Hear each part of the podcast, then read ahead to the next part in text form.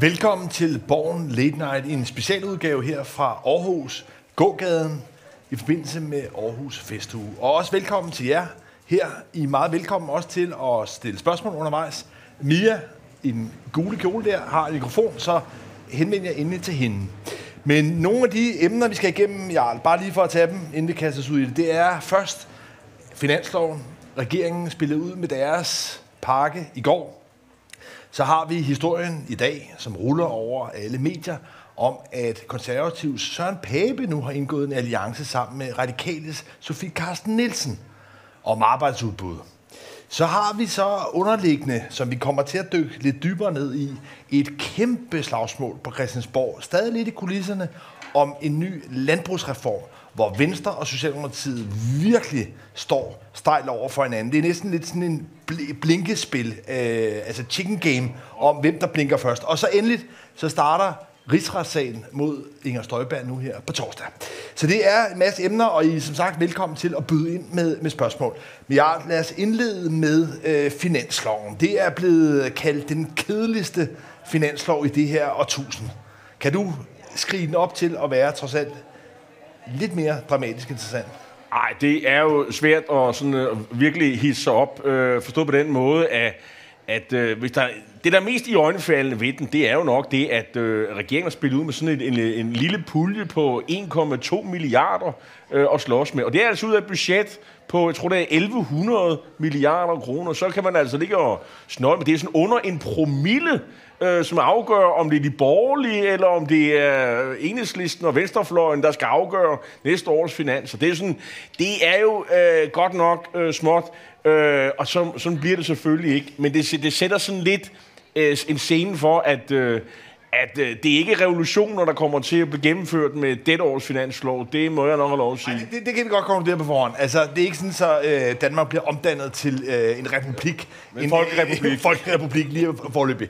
Men det er jo altså også lige nu et lidt psykologisk spil, der kører mellem regeringen og altså, finansminister øh, Nikolaj Vammen og så støttepartierne. Og der er det, at Nikolaj Vammen har haft held til de foregående år at spille ud med en lidt fedtet, en lidt stram øh, finanslov, og så hen ad vejen fundet lidt flere penge. Men det handler i virkeligheden om at forhindre fra Vammens side, at støttepartierne får for dyre og for store idéer, så derfor kan man sige, forsøger man ligesom at forventningsafstemme på et lavere niveau. Men rent teknisk, hvis man kigger på udspillet, så er det faktisk øh, et af de mest nøjsomme finanslovsudspil, der har været siden Poul Slytters dage tilbage til 86 kartoffelkuren. Og det er der jo en, en grund til, fordi vi har jo sådan set øh, Øh, levede under det, man kalder for en meget, meget stærk, ekspansiv finans, øh, finanspolitik, og det skyldes jo coronaen. Øh, coronapakkerne øh, er vi ved at pakke sammen. Øh, det er slut med det. Og så bare den effekt gør jo, at, øh, at finansloven pludselig er blevet stram i forhold til, hvordan det, hvilket regime vi har kørt med de sidste to øh, år. Øh, så allerede der øh, sker der øh, noget. Ja, og så er der jo en anden ja, ting også, og det synes jeg også er heller øh, med, det er jo, at øh, politikerne har for lang tid siden besluttet, at øh, vi skal være længere på arbejdsmarkedet, og det der med pension, ja, det skubber vi altså sådan lidt længere væk. Vi kan godt mærke også, der er, nu er jo i 50'erne, at, øh, at der, hvor man engang kom på pension, folkepension som 65-årig, jamen det bliver sådan skudt længere og længere ud i horisonten, og for nogle af dem, der vokser op nu, de, skal vel, de får vel først folkepension, når de en gang i 80'erne eller sådan noget, nu overdriver jeg, men, øh, men det er den udvikling. Og alle de her effekter til sammen gør, at, øh, at der er overholdbarhed på de offentlige finanser. Øh, også, altså det ser jo rigtig godt ud. Der er ikke rigtig nogen brændende platformer ja. i, i, i, i, i, i dansk økonomi, ja, men, men, bortset fra et sted. Men partierne er jo nu engang sat i verden for på en eller anden måde både at pege på problemer og på løsninger. Og jeg skulle hilse sige, at støttepartierne, altså Enhedslisten, SF og Radikale, de har alligevel øh, en gaveliste med til de her øh, forhandlinger. Ellers var de jo ikke Enhedslisten og SF. Nej, præcis. Øh. Men hvis vi bare lige kort skitserer, hvad det er for nogle øh, emner, hvad det er for nogle dagsordner, der kommer til at blive forhandlet om. Så hovedkravet for SF, det er at få lagt et loft, et klasseloft, ind på 24 elever i, i hver klasse de kommer nok til at komme et stykke af vejen, nok ikke 24, men der kommer nok til at blive sat penge af til det. Så har vi så øh, enhedslisten, som kræver sådan noget som øh, billigere øh, tandlægeregninger. De har en idé om, at øh, på sigt, at øh, tandlæger skal sidestilles med almindelige, øh, altså den almindelige sundhedsbehandling. Det er også noget, der formentlig bliver sat penge af til.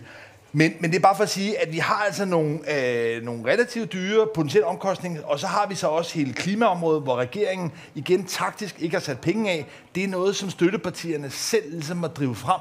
Altså, Nikolaj Vammen vil klogeligt, sådan har det været med alle finansminister, vil ikke lægge pengene på bordet fra start. Det er noget, som støttepartierne ligesom må kæmpe sig til undervejs. Men det er bare for at sige, at der er altså nogle, nogle velfærdsdagsordner, der er nogle grønne dagsordner. Regeringen har ikke sat pengene af. De ender med at komme til at lave en finanslovsaftale sammen med støttepartierne, og det kommer til at være lidt mere velfærd og lidt mere grønt. Det er jeg enig i, øh, også fordi, at øh, altså, regeringen står jo ikke i en situation, hvor de er pisket til at foretage øh, øh, ting, der gør, at, at det kommer til at se dramatisk ud. Og, og så er der jo som set også det, at øh, enhedslisten, SF og de radikale, jamen de skal jo have noget for at holde regeringen ved magten. Der er en pris, øh, og så har de jo så brugt øh, her august måned på at skal man sige, sammensatte en ønskeliste, kunne man kalde det, over ting, som de gerne vil have igennem. Og jeg har ikke hørt noget, som, hvor man vil sige, det var dog bimlende skørt. Det kommer, det kommer de aldrig igennem med. Øh, selvfølgelig kommer de ikke igennem med alle de her forslag, men, øh, men mange af de her forslag, for eksempel det her med tandlægebetaling øh, til i øjeblikket er det jo sådan, at hvis man har børn og op til 18 år, så er det jo den kommunale tandpleje. Det betaler, pleje, ikke plage, pleje. Det betaler man ikke for. Men øh, kunne man udvide det til, til 25? Præcis. Det kan da også godt være, at det bliver 22 eller 23. Øh, men langt inde i, øh, i, skal man sige, i, i middelklassen, der er der nok mange, der synes, det er en rigtig god idé. Altså, men, men igen, det, er jo ikke, det er jo ikke helt skørt. Øh, men, øh, men der kan jo godt være, at vi alligevel kommer til at se reformer i forbindelse med finansloven. Øh, regeringen har jo selv øh, sagt, uha, Øh, der kommer så mange reformer. Vi har jo haft en, øh, en statsminister, som allerede i juni sagde, at når vi når til efteråret, når sommeren er slut, så vil vi komme med en masse reformer. Jeg ved ikke, har du tjekket kalenderen? Eller har du tjekket datoen? Vi ja, tror, det, det er teknisk set ikke efterår endnu. Ja, det er nej, stadig, vi er stadig sommer. Vi har, det, det er onsdag. Øh, på altså, onsdag, og i onsdag, det, det er i morgen, der starter efteråret, og vi har sandelig ikke set nogen reformer endnu fra regeringens side. Ah, det må men, komme på et eller andet tidspunkt. Ja, men jeg tror, at du skal begynde at forstå reformer på en lidt anden måde, vi har været vant til. Vi har været vant til, at reformer har været synonymer med, altså det nogen i hvert fald har kaldt øh, nedskæringer, besparelser, noget, hvor man lægger om. For Mette Frederiksen, hun kommer også i efteråret til at tale meget om anden generations reformer. Og det, der i virkeligheden er den socialdemokratiske version af reformer, det er, og det har man næsten glemt, kan være reformer, det er faktisk noget, der også udbygger velfærden. Så vi kommer også til at se, at øh, regeringen kommer til at lancere nogle reformer også på sundhedsområdet. Eksempelvis øh, det her tættere på, hvor man vil lancere øh, ideen om at bygge flere nærhospitaler, altså mindre lægehu, lægehuse, om man vil, men som på en eller anden måde kommer måske til at sidde nær. Så, så bare for at sige, så der er altid en idé om at udbygge velfærden. Så når du snakker om reformer, så tænker du, nu kommer der et ordentligt hug i forhold til, til dagpenge, til efterløn, til SU. Ja, jeg, jeg, tænker, jeg, jeg, jeg, jeg, jeg, jeg tænker på, at øh, for eksempel studerende kommer til at betale. Der er noget dimittentsats og sådan nogle ting. Ja, ja, det det tænker... tror jeg på. Og, og, og de der sådan, anden generations øh, øh, reformer, som du taler om, og sådan noget, de, de udmærker sig og ved, at der ikke rigtig nogen, der ved, hvad det er for nogen. Altså, de, de, de, de meget, har meget svært ved at blive, fø, at blive født Øh, de er åbenbart så hemmelige, så der er ikke rigtig nogen, der aner, hvad, ja, hvad det er for nogle reformer. Bare, reformer og der bliver talt meget om reformer, men kommer de. Og øh, statsministeren sagde, at der kommer en masse reformer, inden sommeren er slut. Sommer, det må så være sensommer, Jamen, det jeg, må så være øh, i september og skal tages med, jeg, før de bliver præsenteret. Jamen leg med tanken om, at reformer kan være noget andet, end det vi har været vant til. Ja, men det tror, altså, det tror jeg så ikke, når, det er. Men, øh, ja, men lad, lad, os nu se, vi der er mange muligheder for, at øh, vi, øh, vi får lavet mange afsnit af, af, af Borgen Late Night, hvor vi kan se og teste, om hvordan de reformer... Men der er i hvert fald folk på Borgen, som har idéer om det, du vil kalde reformer. Mm. Og det er radikale og konservative, som nu har fundet sammen i noget, der måske er en risikabel alliance mellem Søren Pape og Sofie Carsten Nielsen, eller måske et smart træk. Men lad os lige prøve først. Hvad er det, som Søren Pape og Sofie Carsten Nielsen foreslår i fællesskab? Ja, det er jo ikke sådan noget, der går ud over øh, øh, øh folks pengepunkt. Det er sådan, øh, øh, snarere det modsatte. Det handler jo om at, at skabe noget arbejdsudbud, og øh, vi ved jo alle sammen, at regeringen har jo sådan set lovet de radikale at skaffe et arbejdsudbud på 10.600, tror jeg det, har, øh, det er, fordi man har lavet Arne-reform og sådan noget. Så tager man jo nogle mennesker ud af arbejdsmarkedet, og øh, hvis der er et balanceproblem, et eneste øh, sådan brændende platform, det er jo, øh, at vi mangler arbejdskraft, øh, blandt andet. Men ikke kun de der ingeniører, som vi aldrig får nok af, men også sådan nogen, der kan gøre rent på på, øh, på, på, på, på hotellerne og sådan, når der engang kommer nogle øh, folk, der gider bo på dem. Øh, øh, og, og, og, og restauranter ikke mindst. Øh, mange af de der folk har jo stået og, og hvad hedder det, podet også rundt omkring. Øh, så der mangler altså øh, nogle folk der. Og, og, og der er det jo så, deres greb, øh, som de har fundet, det er sådan, vi kan jo belønne folk. Altså, kunne vi ikke øh, sørge for, at, at ikke så mange skulle betale topskat, vi kan hæve grænsen, og øh, kunne vi ikke få noget arbejdskraft udefra, øh, hvor man kunne sige, i stedet for at de skal have de her 4,5 millioner øh, om året for at komme her, så kan ah, de godt få lov til at komme ah, ind. Det er dog helt øh, så kan vi sætte grænsen ja. ned til 360.000. Ja. Øh, det er du sagde 4,5 millioner, det er for 400 Undskyld, 450.000. Undskyld, 4,5. Det er, det er mange. Så kommer der ikke nogen. 450.000, tak for ret. Men, men, øh, men altså lige sådan 100, lidt mere end 100.000 ned. Ja. Øhm, som er ret afgørende grænse i forhold til, kan man sige, mange øh, altså jobs også i ja. serviceindustrien. Ja. Så, så ideen er grundlæggende, kan man sige, altså mere udenlandsk arbejdskraft, og både lavere øh, topskat og, og lavere, øh, eller sænke bundgrænsen. Og sænke bundgrænsen, det vil sige, at øh, der kommer sådan en arbejdsmarkedsfradrag også, som vi, alle, i hvert fald dem, der går på arbejde og, og så videre, vi, vi får sådan en lille fradrag. Så der, der tror jeg, de snakker om en 1200 kroner og så videre. Men er det sådan noget, der sådan, øh, får folk til at vælte ind på arbejdsmarkedet, og pensionister siger, ej, jeg tager, den lige, jeg tager altså lige et år mere, inden jeg går på pension. Altså, vi snakker om øh, tiltag, der i alt øh, giver 6.200, tror jeg det er, eller var det 400, om omkring 6.000 flere på arbejdsmarkedet, eller ud, øh, et arbejdsudbud. Det er jo heller ikke nogen revolution, men øh, det viser dog, at de radikale og de konservative kan arbejde sammen om det her lille bitte forslag. Øh, de signalerer, at de radikale øh, vil lave noget med de borgerlige. Godt nok, og, men, men altså, det, det gør jo ikke, at de radikale pludselig støtter en Søren Pape som statsminister. Øh, det gør heller ikke, at Søren Pape lige pludselig blot, øh, blåstempler de radikales udlændingepolitik, som man nogle gange har, har, har udtryk, eller haft indtryk af, at når Jakob Ellemann øh, stillede op ved siden af Morten Østergaard i rullekrav, Svenders, ja, så kunne man nærmest høre, hvordan øh, højrefløjen kom vælten og sagde, der har vi ham afslører som sådan en uh, radikal flygtninghjælp uh, ven. Uh, han står ved siden af Morten Østergaard, og nu står Morten Østergaard et helt andet sted, men altså nu er der kommet uh, Sofie Carsten Nielsen ind uh, i stedet her, for. Men den her alliance mellem radikal og konservativ har været forsøgt før. I sin tid, dengang Margrethe Vestager var leder af radikale, og på et tidspunkt, og det har man måske svært ved at huske i dag, hvor radikal faktisk øh, var lidt i knæ, der gik hun sammen med den daværende konservative leder, Lars Barfod, op til, til, til valgkampen. Det var noget, der dengang skabte ramaskrig, ikke mindst i borgerlige lejre, altså også i radikal. Det var noget, der blev opfattet som en fuser. Så derfor er der mange, der i dag også har været ude og sige, haha, øh, nu går de tilbage til den her fuldstændig håbløse men, men, der, men der var måske den afgørende forskel, at dengang, der var der ikke rigtig nogen, der var klar over, hvad var det egentlig, de ville samarbejde om andet end de vil have et, et flertal eller et samarbejde hen over midten, og det var i forbindelse med en, en valgkamp. Så der var nogen, der sagde, hvad er det for noget? Øh, hvis det er konservativ, kan jeg så risikere, at, at støtte nogen over på den anden side af hegnet?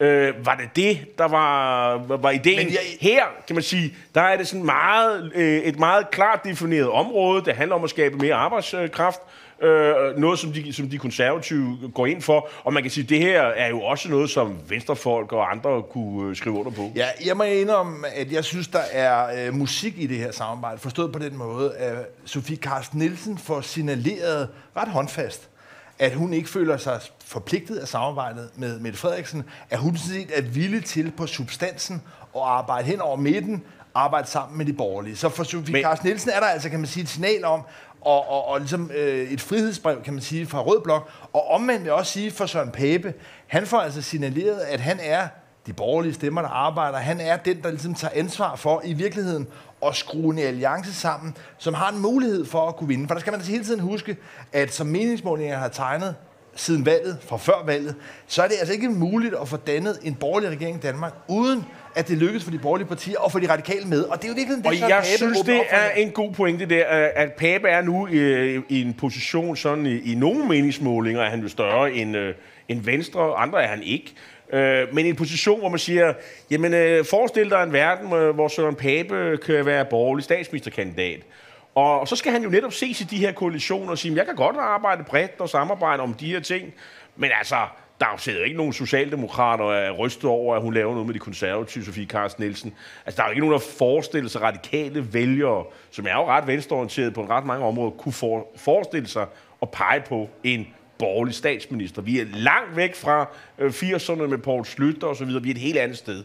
Øh, så jeg tror ikke, det er noget, der får Ja, ødelægger nattesøvnen hos, øh, hos, øh, hos, hos Jamen, jeg, Socialdemokraterne. lad, lad os lige prøve at stoppe der, fordi hvorfor egentlig det? Fordi du kan sige, der i, blandt radikale er der jo en dyb frustration over, at man i mange sammenhæng er blevet ydmyget af Mette Frederiksen. Mette Frederiksen indledte før, en år før valget, der var hun ude meget markant at sige, at radikale kom under ingen omstændighed med en regering, og hun har sørget for i forhandling, for lige efter reform, og sørge for, at radikale ikke fik det, som de ville, ønske, øh, ville have det. Så, så Sofie Carsten Nielsen har ligesom oplevet, og før hende, Morten Østergaard, at de ligesom blev presset ud på bænken som, øh, som bænkevarmer. Og der kan jeg altså godt se, at der er folk i den radikale gruppe, som begynder at se, hov, hvis Mette Frederiksen ikke er villig til at føre reformer, så kunne radikal måske bevæge sig tilbage i den her afgørende rolle som kongemager, som tunge på vægtskålen, og i hvert fald skabe tvivl om, hvorvidt de ligesom var røde eller blå. Og Må jeg, må jeg godt bare komme med et tryllord, så for helt, alle de der, skal man sige, øh, alle de der, den der tankegang og forestillinger til at forsvinde som duk for solen. Jeg kan bare sige et ord. Udlændingepolitik. Puff. Så snakker vi ikke mere om øh, et, et, et samarbejde mellem de radikale og de borgerlige, om noget som helst. Jamen, og dog. Og altså, en, en, en, en, udlænding, altså en regering skal jo føre en udlændingepolitik. Og, øh, og den får ikke de, de radikale støtte. Det gør den simpelthen Men, ikke. men jeg, hvad nu, hvis man så... Jeg, jeg lægger mig ikke så lidt ned. Øh, hvad nu, vil hvis- også ligne dig Hvis dårligt. man nu kan konstatere, at radikale faktisk har accepteret den asylpolitik, som øh, Venstre-regeringen lavede, mm. som Socialdemokratisk regering har ført videre. Radikale Altså det ligesom accepteret- store, Ja. forkromede nationale Ja. kompromis, Ja. som Der- vi jo reelt har. Ja, der har radikale sådan set realpolitisk accepteret, mm. at det kører videre. De satser så på at få indflydelse på nogle andre områder. Og der må jeg indrømme, at den åbning, vi ser her i dag, med at man så satser på at få arbejdskraft mm. ind udefra. Altså ikke asylansøgere, ikke flygtninge, ikke indvandrere, ikke familiesamførende, men arbejdskraft ind. Den åbning, der tror jeg egentlig, at radikale er et sted i dag, hvor de tænker, hmm, det vil egentlig være nok. Og der siger jeg bare, det er konservativt med på. Jeg synes, der er en åbning her, hvor i hvert fald det lykkes for Sofie Carsten Nielsen at åbne løsrive sig fra Socialdemokratiet og skabe den åbning. I hvert fald tror jeg, at de borgerlige skal i hvert fald se, at det er godt ting også af Søren Pape at lave den åbning. Fordi hvis det ikke får de radikale med over, hvis det ikke lykkes at lave den der beskidte aftale, også i forhold til udlændingen, så er det meget lange udsigter med en borgerlig regering. Lad os se. Øh, jeg synes, det er begavet lavet, både fra de konservative og de radikale. De har fået airtime. Ikke, ikke bare øh, her hos os i Borgen Late Night, som er jo det helt toneangivende program her tirsdag, øh, og hvis man interesserer sig for, for, for politik, øh, men også i alle mulige andre medier. Det har virkelig sat dagsordenen i dag. Øh, noget, som øh, hvad skal man sige, kommer til at sætte dagsordenen, tror jeg, den næste måneds tid. Det er jo en helt anden sag, og vi har jo vist- os, der læser aviser, øh, har jo set et øh, sådan noget bizart øh, slagsmål, hvor øh, man siger, øh, øh, sprogbrugen ligesom øh, er sådan, er sådan forholdsvis dramatisk. Altså, jeg ikke om så, øh, Troels Lund Poulsen, Venstres øh, finansordfører og reelle sådan over, overordfører i alle mulige vigtige spørgsmål. Ikke mindst, når det handler om klimaforhandlinger omkring landbrug. Og når det her om penge. Det, og det handler om penge jo, og, og, og han går ligesom for at være Venstres store strateg. Der er lidt forskellige meninger om ham. Det er for eksempel ham, der sørgede for, at Venstre ikke kom med i politiforliget, fordi det skulle finansieres med skattestigninger, så ville de ikke være med. Øh, de her øh, klimavenlige biler, som også skulle finansieres, der kunne Venstre heller ikke være med i finansieringsdelen, fordi at øh, uha, det skulle finansieres på en måde, som gjorde, det var i strid med skattestoppet. Der er mange ting, der gør, at Venstre på en eller anden mystisk måde kommer ud af alle de her ting, og det er altså øh, strate- den store strateg øh, Troels Lund Poulsen, der er mand for det. Han er altså også i spidsen for det her, som gør, og der har han jo sagt til øh, Rasmus Prehn, som vi alle sammen husker, var ham, der måtte hoppe ind, da Mogens Jensen han gled i øh, den store mink-skandale Øh, sag. Det var ligesom som flasken pegede på, på Mogens Jensen. Han måtte ud, øh, og Rasmus Prehn skulle ind.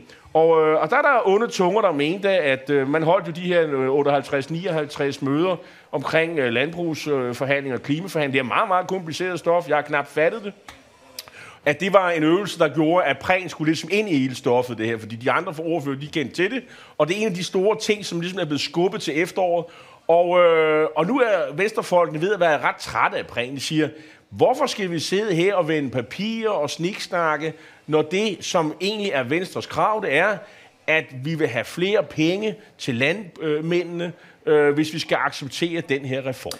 Afsættet for hele det drama, vi ser udspille sig, det er i virkeligheden den aftale, som Venstre er med i, som selv Dansk Folkeparti er med i, klimaloven, hvor man har sat den her målsætning om en 70% reduktion af drivhusgasudledninger i 2030. Det har ført til en lang række, kan man sige, områder, hvor man er nødt til at lave nogle handleplaner.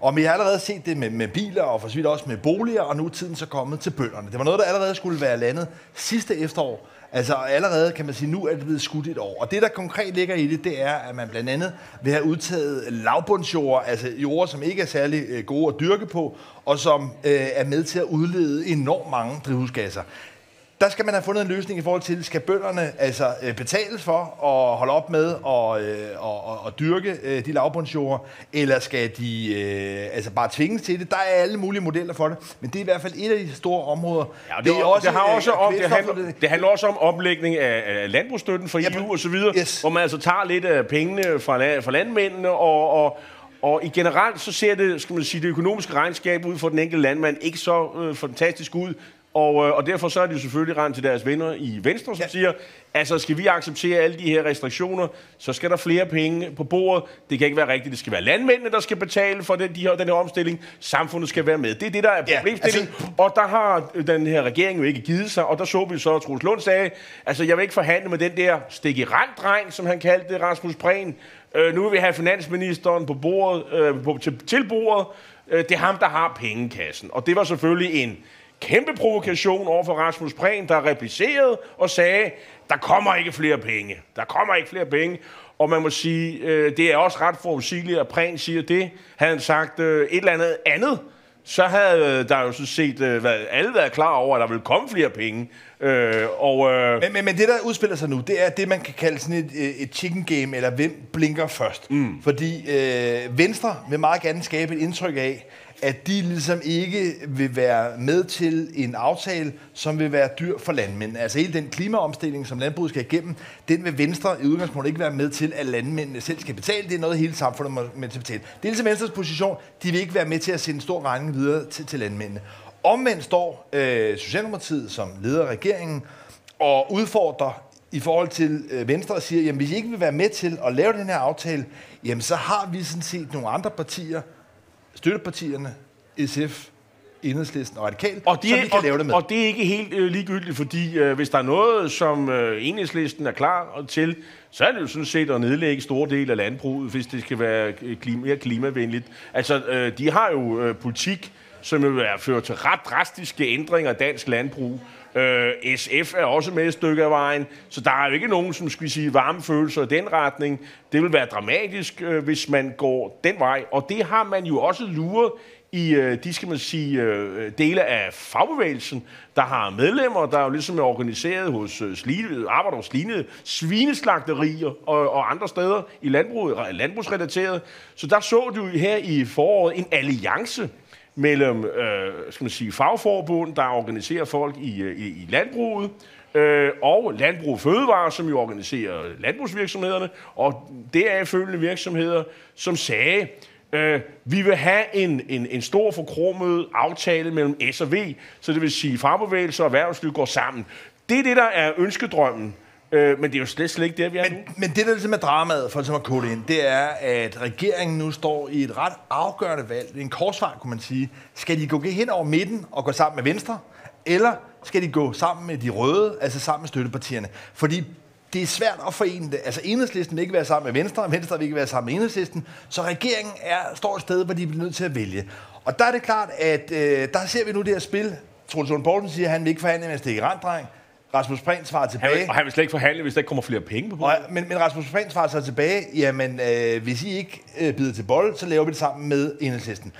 Der står den, og der vil jeg bare altså understrege, at min læsning af det spil, med mit kendskab til Socialdemokratiet, så kan jeg godt afvise på forhånd, at Socialdemokratiet, den generation af socialdemokrater, der sidder i toppen af det parti i dag, vil indgå et så afgørende forlig sammen med enhedslisten. Altså, det er en generation af socialdemokrater, som er for unge til at kunne huske H.C. Hansen, men som øh, drømmer og hylder H.C. Hansen, og i virkeligheden også hele hans antikommunistiske ja. øh, kamp. Og, og det, lige minder, minder om, at H.C. Hansen har altså været død i 61 år. Præcis. Det er jo ikke, men alle, alle, alle lige husker... Øh, Nej, helt, men den socialdemokratiske... Han, han var i øvrigt fra Aarhus. Øh, ja, men, men H.C. Hansen er, kan man sige, det, det store ikon for Mette Frederiksen og for mange af de socialdemokrater. Og noget af det, de ligesom har læst sig til i bøgerne, det er, at han ligesom førte en meget hård og uforsonlig kamp mod kommunisterne i kampen med fagbevægelsen. Yeah. Og der er det altså den generation af socialdemokrater, der sidder nu.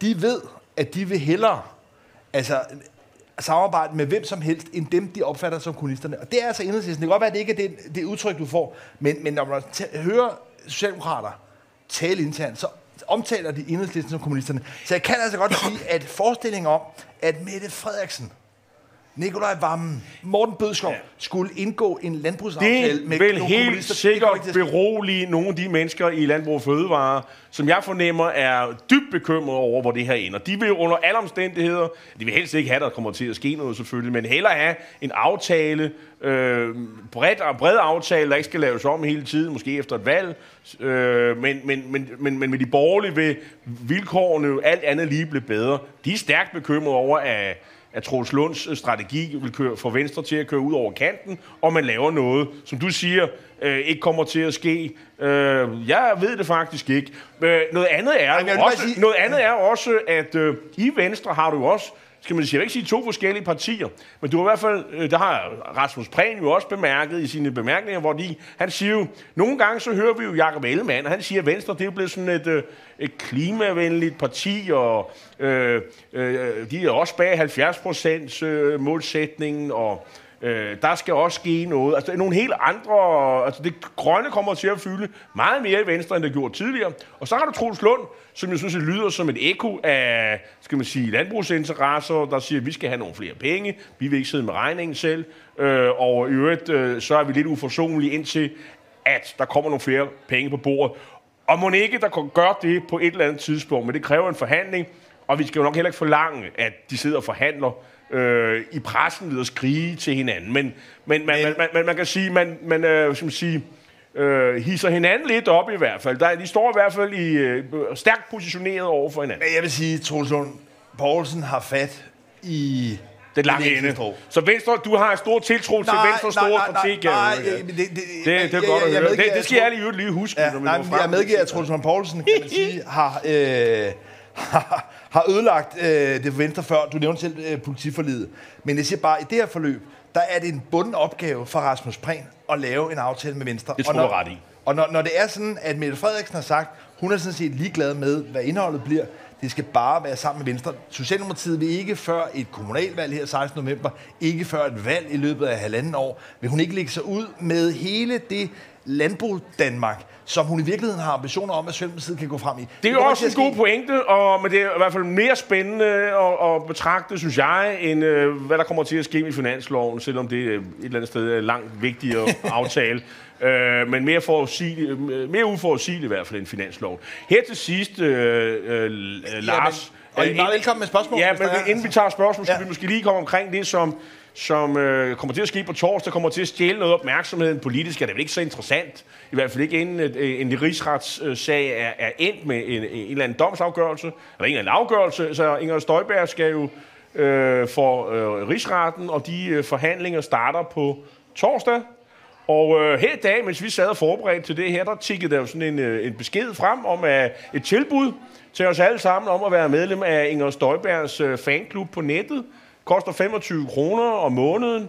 Og så, hvad, hvad får man for de penge? Øh, der er jo nyt for rigsretten. Der får du ligesom øh, bag kulissernes, øh, altså gossip, hvad jeg sige, øh, for nu at, videodagbog. Og, og, og bygge det op. Ja. Altså både nyhedsbrev og videodagbog fra Inger Støjberg, hvor hun fortæller om sit syn på den rigsretssag, der kommer til at køre. Men jo også, kan man sige, bredere om politiske emner. Og jeg synes, det er interessant set. Det er noget, nogen måske vil kritisere for at være sådan en amerikanisering af dansk politik. Det er et fænomen, man har set meget udbredt i amerikansk politik, hvor en lang række, også tidligere politikere, etablerer deres egne, lad mig kalde det, cowboy-medier.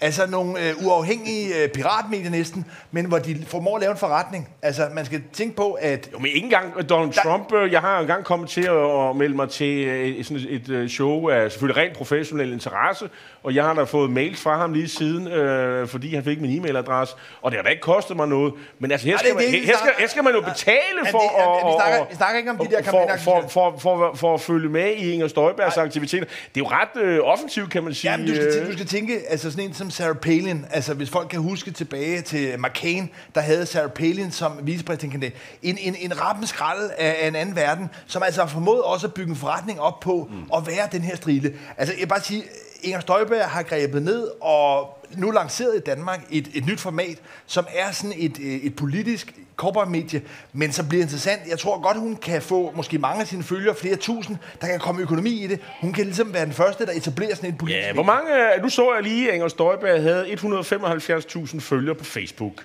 Og, øh, og der er jo nogle, øh, tror jeg også, måske lidt ældre øh, sympatisører, som ikke er på Facebook. Det er jo ikke helt urimeligt. De kan så gå på internettet og følge med her. Så lad os sige, at hun har måske en kvart million, der synes, at hun er evigt dejlig, og alt det, hun gør, er interessant osv. Og, og hvis bare, hvad vil jeg, en tiende del af det, synes, at det er spændende, så kan, det, så kan man jo prøve at gange op. Øh, så har hun en gang en god retning, men vi har, et, øh, vi har et spørgsmål.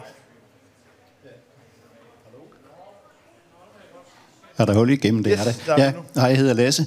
Øh, jeg har to spørgsmål. Øh, det ene spørgsmål er, når I nu taler om, øh, om landbruget, og de der sådan, øh, øh, taktiske forhandlinger på Christiansborg mellem Socialdemokratiet og Venstre.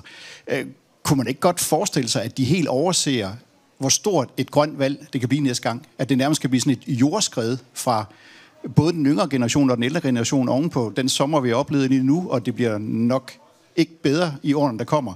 Så det bliver noget helt andet, der kommer til at gælde, end, end det politiske fifleri, I sidder og taler om. Og det andet spørgsmål er, om I kan knytte en kommentar til den øh, politiske korkprop øh, Lars Lykke. Altså, hvad pokker sker der med ham? Ja, jeg kunne starte med Lars Lykke. Altså, øh, der, der, der var også en meget spændende øh, jagttagelse. I lang tid så er der jo ikke sket noget på, på, han, han er ved at samle som sige, øh, øh, skal man sige, stiller ind til sit øh, parti, og det er jo sådan noget, der foregår på nettet. Og i lang tid, så, var der, så skete der jo ikke rigtig noget, og så fik de så gang i det her øh, forleden dag med sådan en Facebook-annonce, og så skete der noget interessant og spektakulært inden Indrigsministeriet. Så brød deres hjemmeside øh, sammen. Så altså, lige nu øh, er det på en anden måde... Men det er jo ikke Lars... Kan man sige, det er jo, så får Lars Lykke også noget ah, men, airtime for ja, det, kan man det, sige. Det, det, det, altså, folk skal nok, kan man sige, altså komme tilbage, hvis de rent faktisk kan give en vælgerklæring. Men man kan sige, at det er jo sådan en lidt mærkelig limbo-fase, vi er i nu. Fordi Lars Lykke har på forhånd annonceret, at det her nye parti, Moderaterne, først ligesom vil lancere egentlige politiske idéer efter kommunalvalget. Og så kan man spørge, hvorfor det? Jeg tror, at den kyniske forklaring er, at Lars Løkke vil gerne undgå, at der lige pludselig er folk rundt omkring i landet, der kommer løbende op fra grøften og siger, jeg vil gerne stille op for Moderaterne, og han lige pludselig, som vi har set med andre nystartede partier, lige pludselig har altså en, en tosse her af, af folk, som stiller op rundt omkring til region og byrådsvalg. Så derfor forsøger han lige nu at på den ene side få vælgererklæringer omvendt og holde lidt igen og vente til efter kommunalvalget til ligesom egentlig at skyde øh, partiet i gang. Så på den måde er han i en situation, hvor han ja, øh, har lidt svært ved at finde præcis, hvad det er for et ben, han skal stå på. Ja, og så er jo spørgsmålet om, øh, inden han har fået, fået de der stiller, så er partiet jo ikke op at flyve, så skal det her parti jo også mene et eller andet. Og, og hvad skal de mene? Jeg er ikke i tvivl om, at Lykke skal nok øh, finde en eller anden position. Fordi han er Lars Lykke, så vil man altid lægge mærke til, hvad han siger. Og han skal nok øh, i de der skal man sige, valgudsendelser nok øh, få sat pas meget fokus øh, på sig selv, så han kommer over de der 2 procent. Øh, vi havde en anden politiker, der var tæt på øh, Øh, at få 2% ved også at råbe og skrige og sige mærkelige ting, og det gør Lykke ikke. Øh, Rasmus Paludan, jeg vil sige, hans politiske karriere, den er jo nok brændt sammen med de afsløringer, der er kommet i Ekstrabladet her i ugens løb med, med, med, med ting og sager. Det, det ser allerede helt forfærdeligt ud. Det er så, så, så det er bare for at sige, selvfølgelig kan Lars Lykke gøre Paludans kunststykke, i hvert fald i forhold til samme vælger, og lidt til. Så jeg er ikke i tvivl om, at han nok skal komme ind. Hvis vi vender tilbage i virkeligheden til det første spørgsmål, i forhold til, om der i virkeligheden er ved at ske et, et, et grønt opbrud i det politiske landskab, som gør, at det her meget gammeldags, sådan lidt sirutrygende øh, forhandlingsspil, der kører mellem Troels Poulsen, Traktor Troels og så Rasmus Prehn, som i virkeligheden heller ikke er den, der nødvendigvis er banderfører for en større klimaomstilling.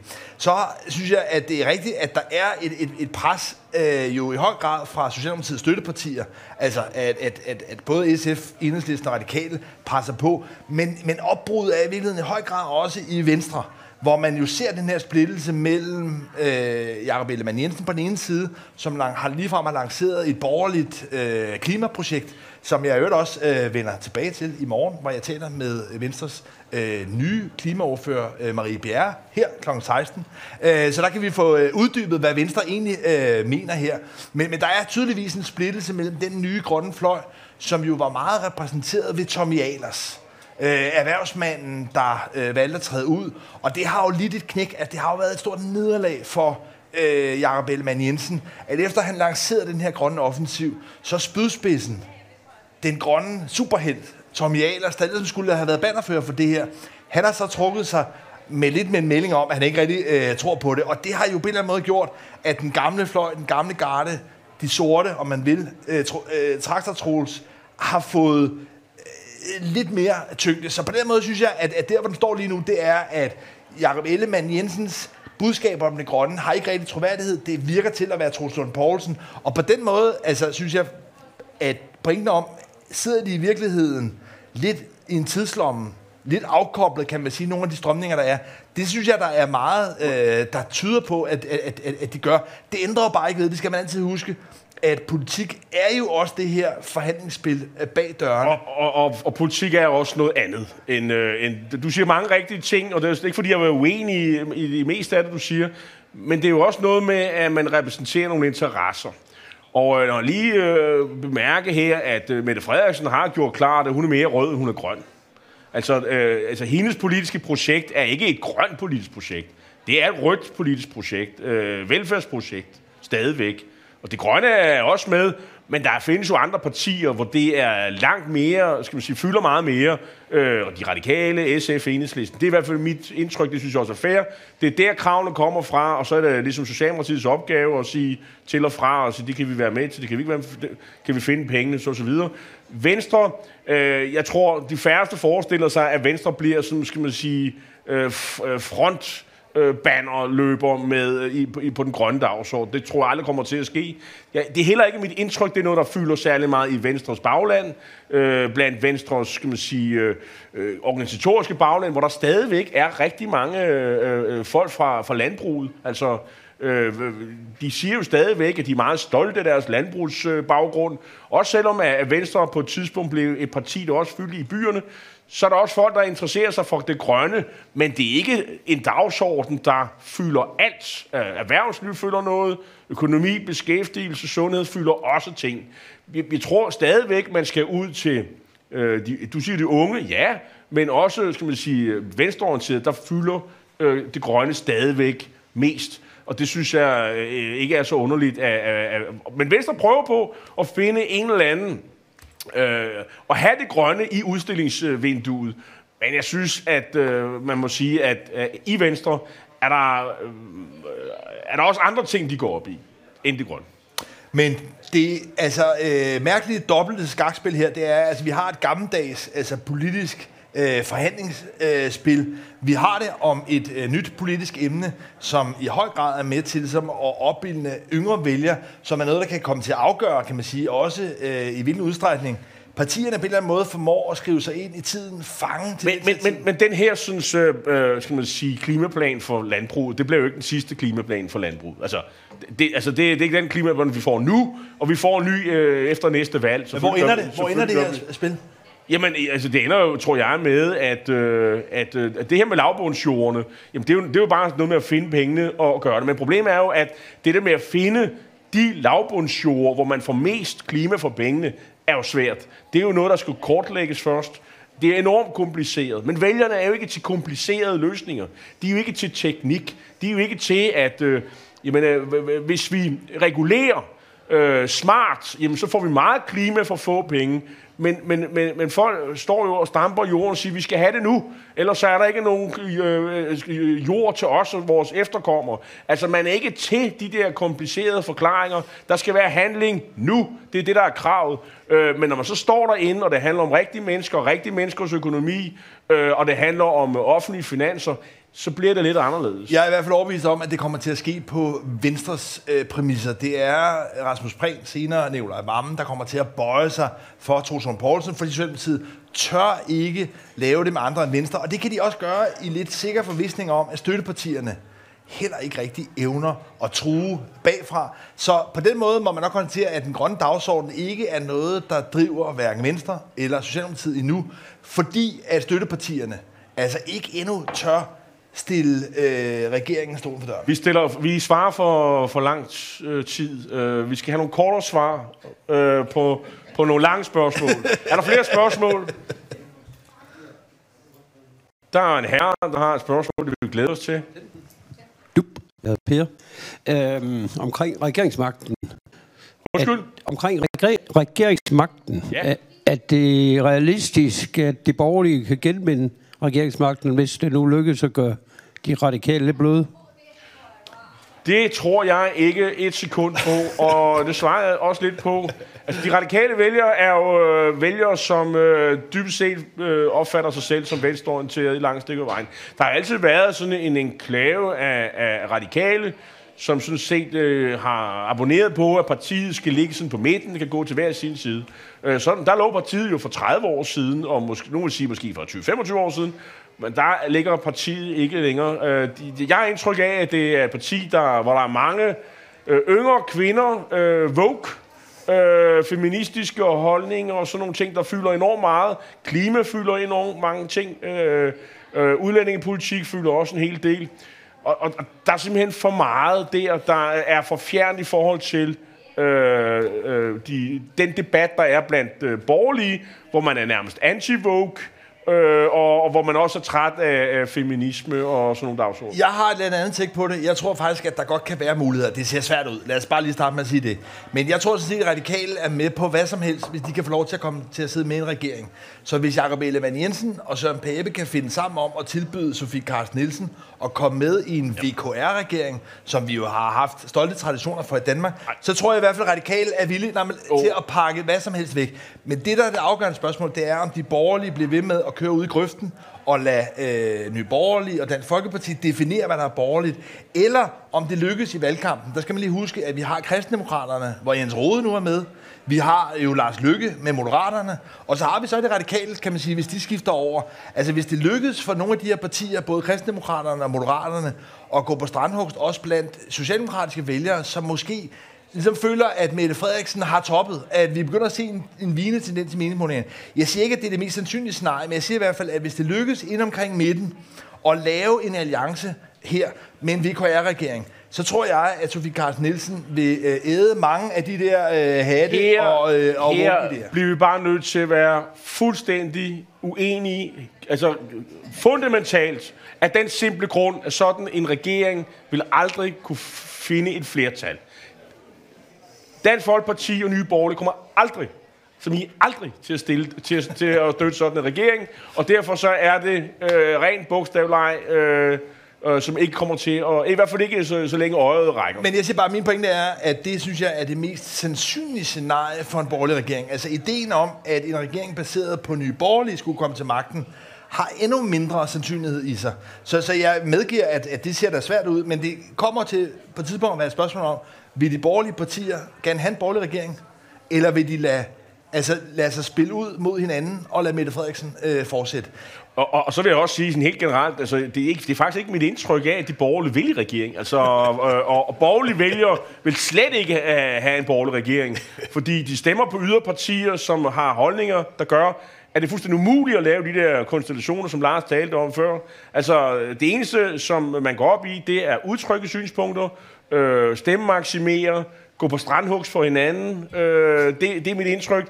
Og nogle af de her partier er jo også i overlevelseskamp. Andre partier er i opbygningsfase. Altså, vi har aldrig haft så mange borgerlige partier øh, som nu. Altså, vi er på er det seks partier eller sådan noget, vi har i øjeblikket, og, og hvem ved, hvor mange flere vi kan få, øh, hvis Inger Støjberg på et tidspunkt laver sit eget parti, øh, fordi at Dansk Folkeparti er helt øh, håbløst osv. Det ved jeg simpelthen ikke. Altså, Øh, de borgerlige vælgere, de ønsker mange partier, så meget splittet som overhovedet muligt. Øh, de spreder sig på alt muligt.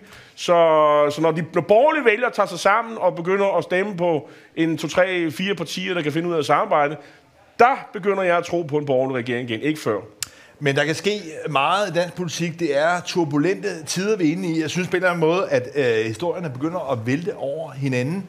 Jeg tror, vi vil øh, sige tak for øh, nu.